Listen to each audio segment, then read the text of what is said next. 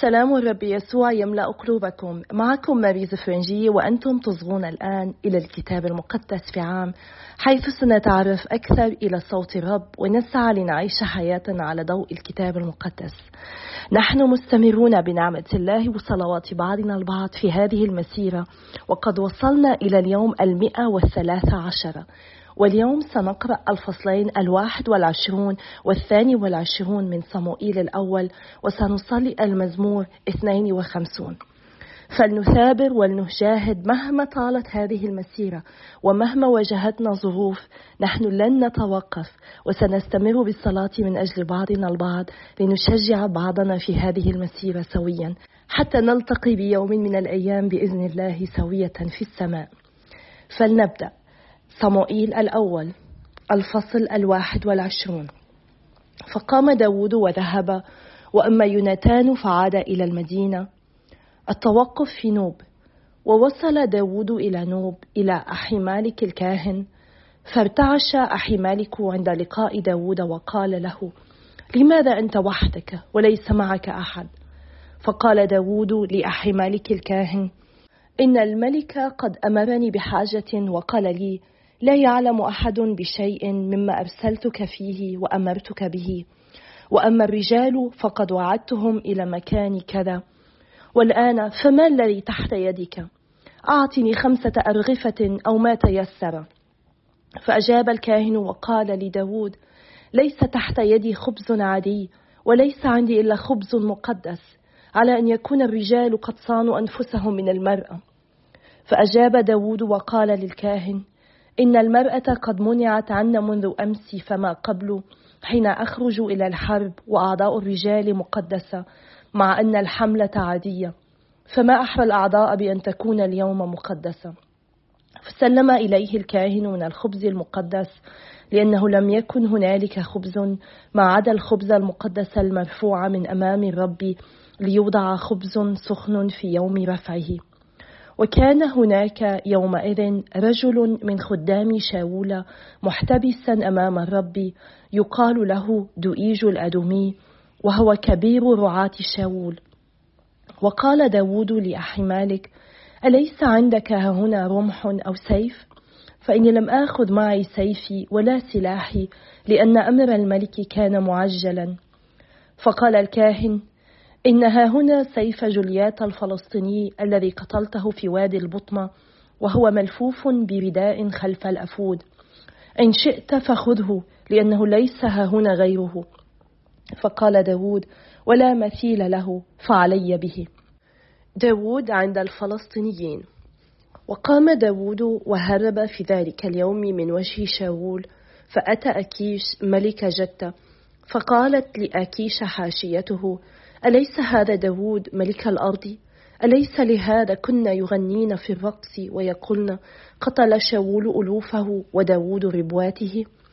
فجعل داود هذا الكلام في قلبه وخاف خوفا شديدا من وجه أكيش ملك جدة وغير عقله أمامهم وتظاهر بالجنون أمامهم وجعل يخط على مصاريع الباب وهو يسيل لعابه على لحيته. فقال أكيش لحاشيته ترون الرجل مجنونا؟ فلما أتيتموني به؟ أمن قلة المجانين عندي أتيتموني بهذا ليتصرف بجنون أمامي؟ أهذا يدخل بيتي؟ الفصل الثاني والعشرون. داود رئيس عصابة. داود يشرع في حياة تنقل. وانصرف داود من هناك ولجأ إلى مغارة عدلام فلما سمع إخوته وكل بيت أبيه نزلوا إليه إلى هناك واجتمع إليه كل صاحب ضيق وكل من كان عليه دين وكل من كان في مرارة نفس فكان عليهم رئيسا وصار معه نحو أربعمائة رجل. ومضى داود من هناك إلى مصفاة مؤاب وقال لملك مؤاب ليقم أبي وأمي عندكم حتى أعلم ما يصنع الله لي. وأخذهما إلى ملك مؤاب فأقاما عنده كل أيام إقامة داود في الملجأ. فقال جاد النبي لداود لا تبق في الملجأ بل امض وادخل أرض يهوذا. فمضى داود من هناك ودخل غابة حارت. مقتل كهنة نوب. وسمع شاول أن داود قد وجد هو والرجال الذين معه.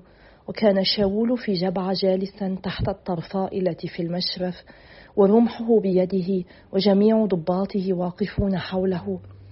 فقال شاول لضباطه الواقفين حوله اسمعوا يا آل بنيامين ألعل ابن يس يعطيكم جميعا هو أيضا حقولا وكروما أو لعله يجعلكم أجمعين رؤساء ألوف ورؤساء مئات حتى تآمرتم علي كلكم. ومن لم يكن فيكم من كاشفني عندما قطع ابني عهدا مع ابن يسى ولا فيكم من أشفق علي وكاشفني بأن ابني قد أثار علي عبدي حتى كمن لي كما ترون في هذا اليوم. فأجاب دواغ الأدومي الذي كان واقفا مع ضباط شاول وقال رأيت ابن يسى قد أتى إلى نوب إلى أخيمالك بن أخيطوب فسأل له الرب وأعطاه زادا وسيف جوليات الفلسطيني قد سلمه إليه. فأرسل الملك فدعا أخيمالك بن أخيطوب الكاهن وكل بيت أبيه الكهنة الذين في نوب فأتوا كلهم إلى الملك فقال شاول اسمع يا ابن أخي طوب فقال ها أنا ذا يا سيدي. فقال له شاول لماذا تأمرتما علي أنت وابن يسى فأعطيته خبزا وسيفا وسألت له الله ليقوم علي ويكمن لي كما ترى في هذا اليوم. فأجاب أحي ملك وقال للملك من من جميع عبيدك أمين مثل داود صهر الملك رئيس حرسك ومكرم في بيتك. ألعل من هذا اليوم بدأت أسأل له الله؟ حاش لي. لا ينسب الملك شيئا إلى عبده ولا إلى كل بيت أبي لأن عبدك لا يعلم بقليل ولا كثير من هذا الأمر كله. فقال الملك إنك تموت موتا يا أخي مالك أنت وكل بيت أبيك. ثم قال الملك للسعاة الواقفين أمامه أعطف واقتل كهنة الرب لأن أيديهم أيضا مع داود وقد علموا أنه هارب ولم يكاشفوني بالأمر. فأبى خدام الملك أن يمدوا أيديهم ليوقعوا بكهنة الرب. فقال الملك لدؤيج أعطف أنت وأوقع بالكهنة. فعطف دؤيج الأدمي وأوقع بالكهنة. وقتل في ذلك اليوم خمسة وثمانين رجلا لابسي أفود كتان.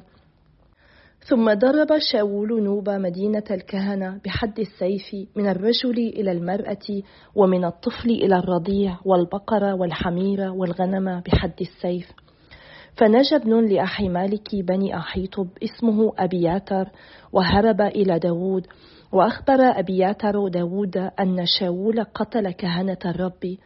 فقال داود لأبياتر قد عرفت في ذلك اليوم حين كان دؤيج الأدمي هناك أنه سيخبر شاول فأنا المسؤول عن كل نفس من أنفس بيت أبيك فأقم عندي ولا تخف لأن الذي يطلب نفسي هو الذي يطلب نفسك فأنت عندي في أمان.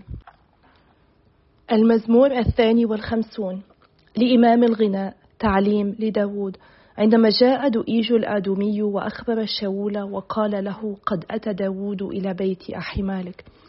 لما تفتخر بالشر يا جبار العار والنهار كله تضمر الدمار. لسانك كالموسى المسنون أيها العامل بالخداع. الشر أحب إليك من الخير والكذب من التكلم بالصدق. سلاه تحب كل كلام نهاش أيها اللسان الخداع. لذا فالله للأبد يدمرك يقبض عليك ومن الخيمة يقتلعك ومن أرض الأحياء يستأصلك. سلاه فيرى الأبرار ويخفون وعليه يضحكون. هذا الذي لم يتخذ الله حصنا بل على كثرة غناه اتكل وبجرائمه اعتز أما أنا فكالزيتونة الغضة في بيت الله على رحمة الله توكلت مدى الدهر وللأبد. للأبد أحمدك لأنك فعلت وأرجو اسمك لأنه صالح لدى أصفيائك. يا أبانا السماوي إننا نحمدك اليوم. نحن ندرك ما هو الشعور بالخيانة ما هو الشعور بأن يكذب علينا. نحن ندرك معنا فقدان الثقة بالآخرين عندما يديرون ظهورهم لنا. نحن نعلم كم هو مؤلم أن نثق بالآخرين أن نعطيهم قلوبنا وأن يخونوننا. ومن خلال صلاة داود في المزمور الثاني والخمسون نتعرف على تجاربنا الخاصة. يا رب كلنا قد اختبرنا بنوع أو بآخر. ألما من أصدقائنا سواء تركونا أو طعنونا في ظهورنا أو لم يكونوا أمناء لنا. لذلك يا رب نصلي من أجل بعضنا البعض. نصلي من أجل كل شخص قلبه قد طعن قلبه قد جرح من قبل أصدقائه. نصلي من أجل كل شخص في جماعة الكتاب المقدس قد جرح قلبه يا رب. أنت أشفي قلبه. أنت يا رب أعطي كل واحد منا النعمة التي نحن بحاجة إليها. ولا تسمح يا رب بتجاربنا مع إخوتنا البشر أن تؤثر على علاقتنا بك. اجعلنا نجدد ثقتنا بك. رغم فشل أصدقائنا رغم عدم أمانتهم اجعلنا نتذكر أنك أنت دائما أمين وأنك أنت تستحق ثقتنا العمياء. أنت الذي أثبتت ذلك أثبتت أنك جدير بهذه الثقة لأنك أحببتنا ولا تزال تحبنا حبا لا حدود له. باسم يسوع نصلي آمين. بسم الآب والابن والروح القدس الإله الواحد آمين. في هروب داود من شاول رأينا أنه التجأ إلى بيت الرب وإلى الكاهن وهذا درس مهم لنا. علينا أن نجعل الكنيسة بيت الله أول مكان نلجأ إليه. بركة الله في بيته هي التي ستسندنا في كل خطوات حياتنا وتعطينا النعمة في أعين كل من نقابلهم وهي سترشدنا إلى التصرف الحسن. فلنلجأ إلى الكاهن. إلى مرشد روحي لنطلب معونته في الضيقات للأسف عندما ذهب داود إلى الكاهن رآه دؤيج الأدمي وخان داود وخان أخي مالك والكهنة وأخبر شاول. وعندما أمر شاول بقتل الكهنة هو بنفسه دؤيج الأدمي نفذ ذلك. والملفت للنظر هو جواب داود داود رتل المزمور الثاني والخمسون حيث يبين أن قوة الشرير مهما بدت طاغية هي سريعة الزوال ولا ينتظر الشرير إلا العقاب الإلهي. أما الأبرار فإن الله سيباركهم ويكافئهم وهذا يثبت المؤمنين في حياة البر. داود يصلي من أجل العدل وهو يلزم نفسه بأنه سيسير في البر حتى وسط أشخاص غير أمناء وأشرار. ونحن أيضا مدعوون لنسير باستقامة حتى بين الأشخاص الذين يخونوننا.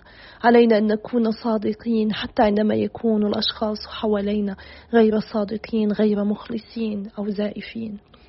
علينا أن لا ننجر وراء شر هذا العالم. ألا نسمح لأنفسنا بأن نسقط في خطيئة الخيانة. هي من أبشع الذنوب وهي تحدث عندما نؤذي شخصا قد وثق بنا. الكاتب والشاعر والفيلسوف الإيطالي في كتابه إنفرنو الجحيم صور أن الخطايا الأكثر ظلاما الخطايا الأكثر شرا تجلب صاحبها إلى أعمق المستويات في الجحيم. وقد وضع الخونة دانتي في أعمق مستويات الجحيم وقد صور يهوذا هناك في دائرة الجحيم هذه إلى جانب لوسيفر ومخادعين آخرين. إن الخيانة ليست من شيم المسيح الملتزم. إن عيش الصدق والحقيقة والفضيلة هو من شيم المسيحي لدينا مثل داود هنا ومثل الرب يسوع بدلا من أن ننتفض أمام الخيانة. فلنصلي من أجل خائنين فلنطلب الرحمة لهم. ولا نسمح لنفسنا أن ننتقم ونسير في طريقهم.